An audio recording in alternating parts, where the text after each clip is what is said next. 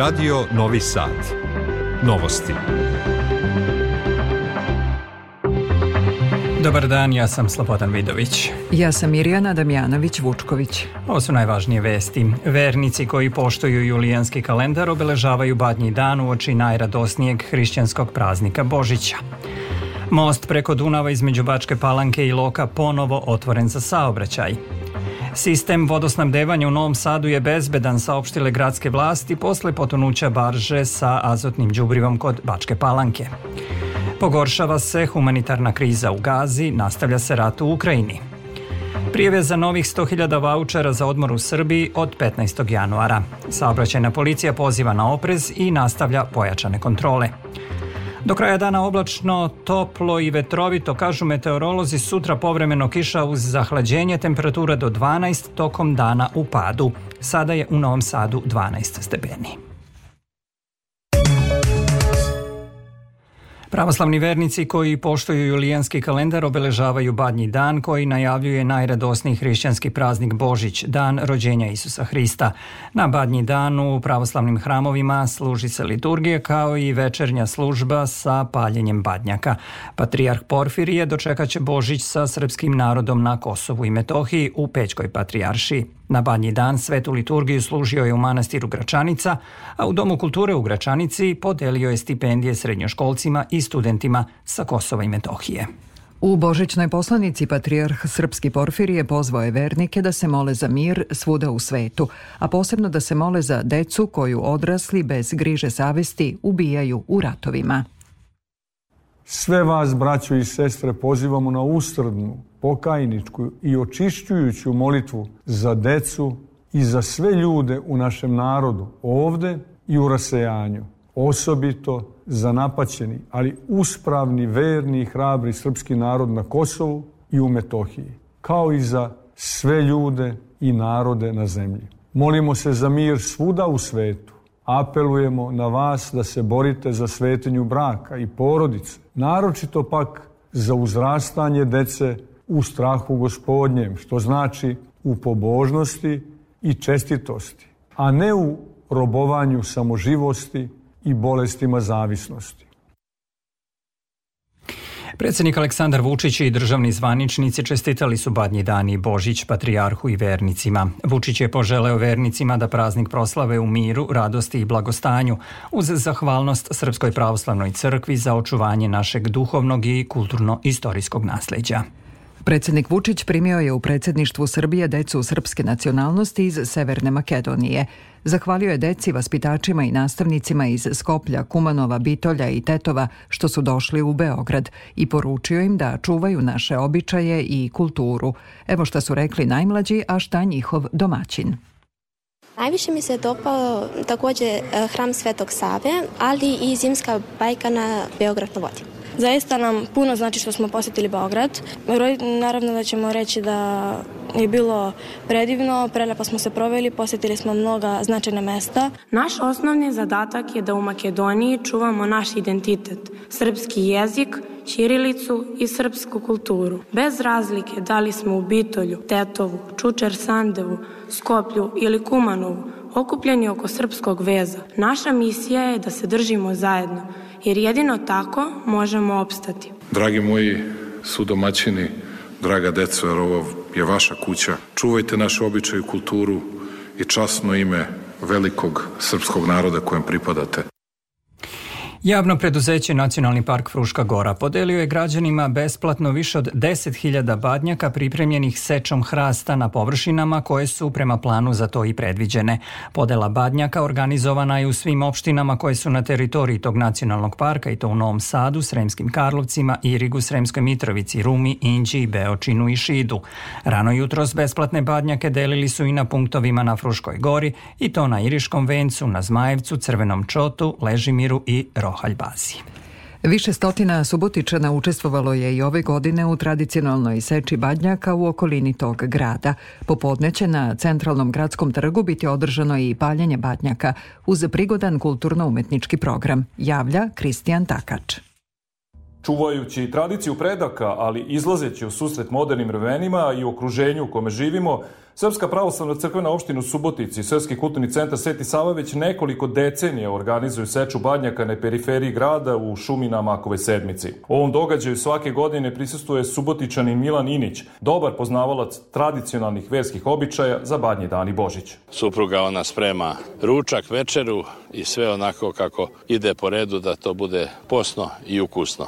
Veče idemo na tradicionalno paljenje badnjaka u porti crkve Svetog velikog mučenika Dimitrija u 18 časova uz dobru kuvano vino i muziku, a posle večera i nastavak do jutrenja i naredne jutarnje službe liturgije i tako prvog, drugog i trećeg dana Božića. Nekoliko reči o sutrašnjem danu, Božić, e, mogu i kažu najradosniji hrišćanski praznik, e, kako njega provodite? Ujutro se porani, dočeka se položajnik, ugosti, utopli, a posle toga na liturgiju koja je onako najsvečanija. I ostatak dana, to je pretpostavljam pravi porodični praznik. Pravi porodični praznik kod kuće sa decom, unucima, ko sa kim, ko koliko ima ih i tako da to bude onako fino i svečano. Badnjak se po tradicionalnom običaju u postepodnevnim časovima osveštava u crkvi Svetog Vaznesenja Gospodnjeg, a zatim se i pali uz prigodan program na Centralnom gradskom trgu u Subotici.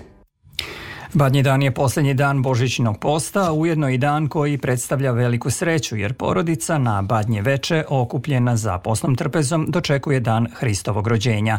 Sever Banata prepoznatljiv je između ostalog po korinđanju na Badnje veče, običaju kada deca u grupama obilaze domaćinstva i recituju posebne korinđanske pesme. Za uzvrat domaćini ih daruju slatkišima, a nekad i novcem. O tome Branislav Ugrinov. Oj,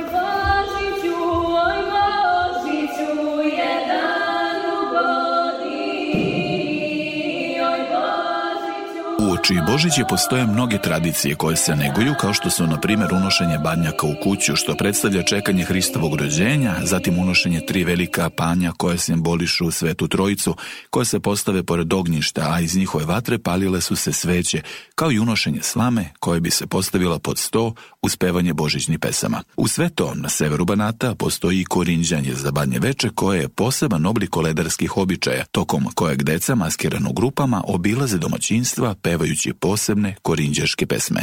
Ja sam mala ila, ujela me kira, da pretrčim preko šora, da dobijem dva, tri ora. Ja sam mala milica, ujela me lisice, za nogu, za ruku, daj gazda jabuku.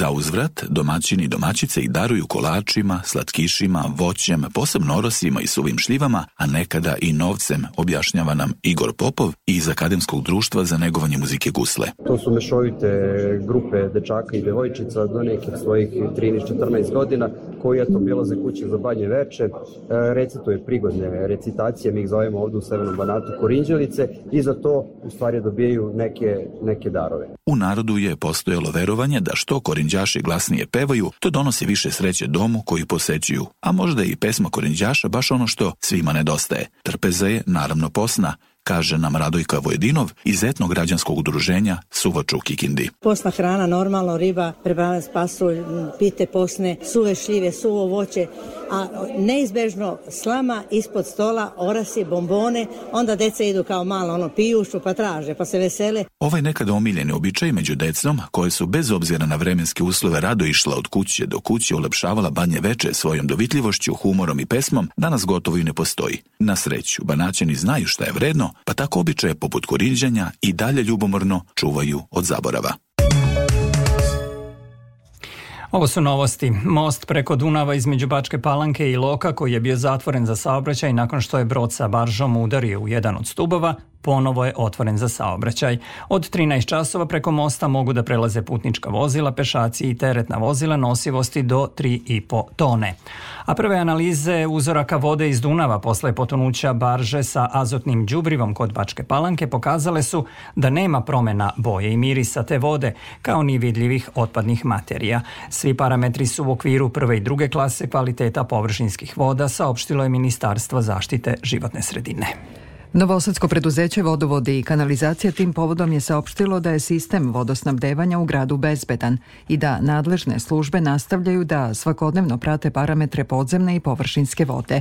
U saopštenju se navodi da je posle jučerašnje nezgode sa nemačkim brodom u Bačkoj Palanci grad Novi Sad hitno preduzeo sve mere vanrednog praćenja kvaliteta Dunavske vode, pri čemu prve analize Zavoda za javno zdravlje Vojvodine ne pokazuju značajnu promenu hemijskog statusa.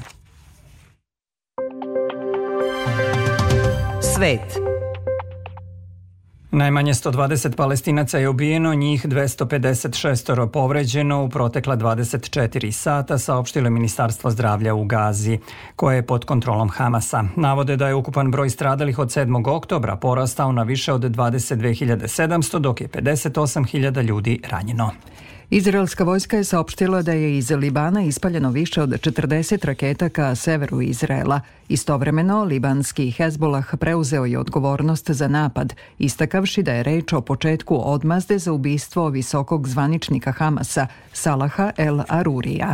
Šef Ujedinjenih nacija za humanitarna pitanja Martin Griffithis naveo je da pojas Gaze postao nenastanjiv tri meseca nakon napada Hamasa na Izrael i upozorio da im preti glad. On kaže da je više desetina hiljada ljudi, većinom žena i dece, ubijeno ili ranjeno, a da ljudi spavaju na polju dok temperatura naglo pada i dok Izrael bombarduje područja na koje je palestincima rečeno da se premeste. UNICEF upozorava da deca snose najveći teret humanitarne krize u Gazi i da su izložena višemesečnoj gladi, traumama i raseljavanju. Navode da dok borbe ne prestanu i deca ne mogu da se osete bezbedno, ne može da se proceni i odgovori na njihove dugoročne potrebe vezane i za mentalno zdravlje. Rad se nastavlja, nastavlja i u Ukrajini. Kijev saopštava da je pogođeno rusko komandno mesto na aerodromu na Krimu, dok Moskva tvrdi da je oborila četiri ukrajinske rakete iznad tog poluostrva. Vazduhoplovne snage Ukrajine su saopštile da su oborile 21 od 29 ruskih dronova, čije su mete bile u šest regiona, od juga ka zapadu zemlje. Ministarstvo odbrane Rusije je saopštilo da su sistemi PVO uništili ukrajinsku protivbrodsku raketu Neptun iznad severozapadnog dela Crnog mora. Večernje službe u Belgorodu za Božić su otkazane zbog bezbednostne situacije, izjavio je gradonačelnik Valentin Demidov. Eksplozije su se dogodile oko 15 časova, nakon čega se na nebu iznad grada pojavio crni dim. Belgorod je ruski pogranični grad i poslednjih dana često je bio na meti ukrajinskog granatiranja. Ministarstvo odbrane Rusije saopštilo je da je u četvrtak oko ponoći po moskovskom vremenu ruska PVO uništila 10 ukrajinskih projektila na nebu iznad Belgorodske oblasti. Tokom granatiranja dve osobe su povređene, a od eksplozije granate u blizini stambene zgrade u Belgorodu polomljeni su prozori na više stanova i oštećeno je više od 30 automobila. Još jedna vest iz sveta, broj žrtava u snažnom zemljotresu koji je 1. januara pogodio poluostrvo Noto i okolna područja u centralnom Japanu porastao je na 126, dok postoji opasnost da će u naknadnim potresima biti zatrpano još domova i blokirani putevi važni za isporuku pomoći. Više od 5 500 ljudi je povređeno, od kojih namanje 27 teže, dok se bezmalo 200 ljudi i dalje vode kao nestali, javljaju tamošnji mediji. Ovo su novosti prvog programa radija Radio Televizije Vojvodine. Za novih 100.000 vaučera za odmor u Srbiji građani mogu da se prijave na šalterima pošta od 15. januara i to isključivo sa rezervacijama koje, uge, koje ugostitelji mogu da im izdaju od ponedeljka. Ove godine povećana je vrednost turističkih vaučera, a na njih su stekli pravo i oni sa primanjima većim od 70.000 dinara. Detaljnije Irina Samopjan. Većina zahteva u vezi sa vaučerima za subvencionisani godišnji odmor u zemlji koje je Udruženje Moja Srbija poslednje godina upućivalo vladi na razmatranje, prihvaćeno je. Vrednost vaučera povećana je na 10.000, a početak akcije nije više 1. već 15. januara, tako da će svi zainteresovani imati ravnopravne mogućnosti za prikupljanje dokumentacije i konkurisanje. To kaže član tog udruženja Milan Ristić i dodaje da je njegovo udruženje za dobrobit građana i ugostitelja nedavno tražilo od vlade da pusti odmah na početku akcije 250 50.000 vouchera umesto prvog opredeljenog kontingenta od 100.000 ta prva kvota ode, bukvalno poslednji put je otišla, ja mislim, za dva dana. Između 250 i 300 hiljada vouchera je potrebno za građane Srbije. I ako bi se odmah pustilo to sve, a da se ne secka u više navrata, onda bi ljudi opušteno razmišljali gde će da idu na odmor, kad će da idu na odmor i ne bi se pravile gužve u pošti. U Udruženju Moja Srbija predviđaju da će od 8. do 15. januara biti upućeno više od 200.000 zahteva za rezervaciju termina u objektima za odmor.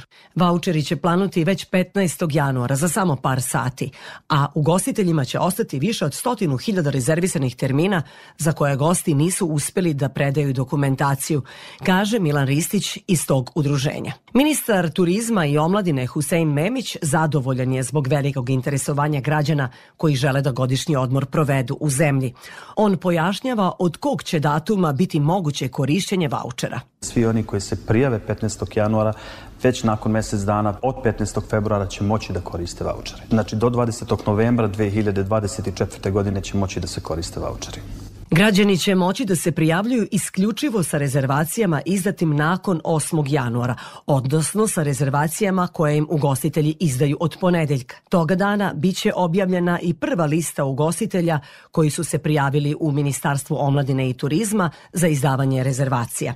Pravo na vaučere imaju penzioneri, nezaposleni, korisnici prava na dodatak za pomoć i negu drugog lica, vojni invalidi, nosioci poljoprivrednog gazdinstva, studenti lica starija od 65 godina koja ne ostvaruju pravo na penziju. Kada je reč o zaposlenima, dobra je vest da ove godine turističke vaučere mogu da koriste oni sa zaradom čiji je maksimalni iznos 80.000 dinara.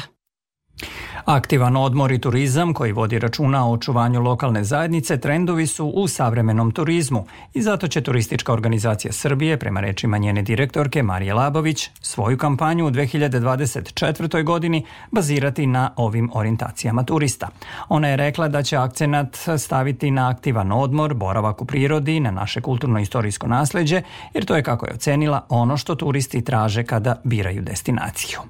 Labović je rekla da će razvoju turizma u Srbiji ove godine svakako doprineti i vaučeri za subvencionisani odmor u zemlji, tim više što je iznos na njima povećan sa ranijih 5.000 na 10.000 dinara pored toga što su dodatno omogućili domaćem stanovništvu da provede odmor u Srbiji i da, da produži boravak na destinaciji zahvaljujući voucherima. Takođe su skrenuli pažnju i smeštenim kapacitetima, stimulisali ih da se oni kategorišu, da se registruju i na taj način smanjili sivu ekonomiju, tako da verujemo da ova mera jako dobra i da će dati i 24. godine izuzetne rezultate. A od početka godine u proteklih pet dana više od hiljadu vozača bilo je pod dejstvom alkohola za volanom, kažu upravi saobraćajne policije, navodeći da je njih više od 300 zadržano. Neki od njih bili su i pod dejstvom psihoaktivnih substanci ili su odbili da se podvrgnu alkotestiranju i droga testu. Pomoćnik načelnika te uprave Zlatko Belencan je najavio da će saobraćena policija i dalje pojačano kontrolisati sve putne pravce, da bi, kako je rekao, sprečili izvršenje najtežih prekršaja, prekoračenje brzine i upravljanje pod dejstvom alkohola i psihoaktivnih substanci. U novostima i vesti iz sporta u drugom kolu Evropskog šampionata za vaterpolistkinje. Srbija je rezultatom 15-4 pobedila Rumuniju. Košarkaši Partizana u Beogradu od 19 časova igraju meč 15. kola ABA lige protiv Krke, dok Crvena zvezda od 17 časova gostuje Cedevita Olimpiji u Ljubljani. Rukometaši Srbije u poslednjoj proveri pred odlazak na evropsko prvenstvo na turniru u Granoljersu od 19 časova igraju protiv domaćina Španije.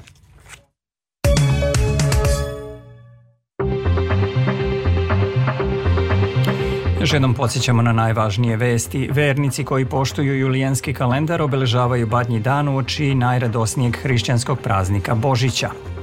Most preko Dunava između Bačke Palanke i Loka ponovo otvoren za saobraćaj. Sistem vodosnabdevanja u Novom Sadu je bezbedan, saopštile gradske vlasti posle potonuća barže sa azotnim đubrivom kod Bačke Palanke. Pogoršava se humanitarna kriza u Gazi, nastavlja rat u Ukrajini. Prijeve za novih 100.000 vaučera za odmor u Srbiji od 15. januara. Saobraćajna policija poziva na oprez i nastavlja pojačane kontrole. Slušamo prognozu vremena za sutra i narednih nekoliko dana. U Vojvodini u nedelju oblačno povremeno sa kišom uz zahlađenje. Tokom noći pad temperature očekuje se prelazak kiše u sneg u severnim i zapadnim predelima. Počeće da duva umeren i jak severozapadni vetar. Temperatura ujutro od 1 do 5, najviše dnevno od 9 do 12 stepeni tokom dana u padu. U Vojvodini je ponedljak oblačno, hladno i vetrovito povremeno sa snegom, stvaranje snežnog pokrivača. U utorak u većini mesta ledeni dan, posle podne uz prestanak snega, a u sredu ujutru hladno sa umerenim jakim mrazem, a tokom dana umereno oblačno i hladno sa temperaturom malo iznad 0 stepeni. Zatim do kraja nedelje pretežno sunčano sa jutarnjim mrazom. Za Radio Novi Sad, meteorolog Mijedrag Stojanović. Slušali ste novosti prvog programa radija Radio Televizije Vojvodine. Ovu emisiju možete da slušate odloženo na sajtu rtv.rs, gde su i sve važne informacije iz zemlje i sveta.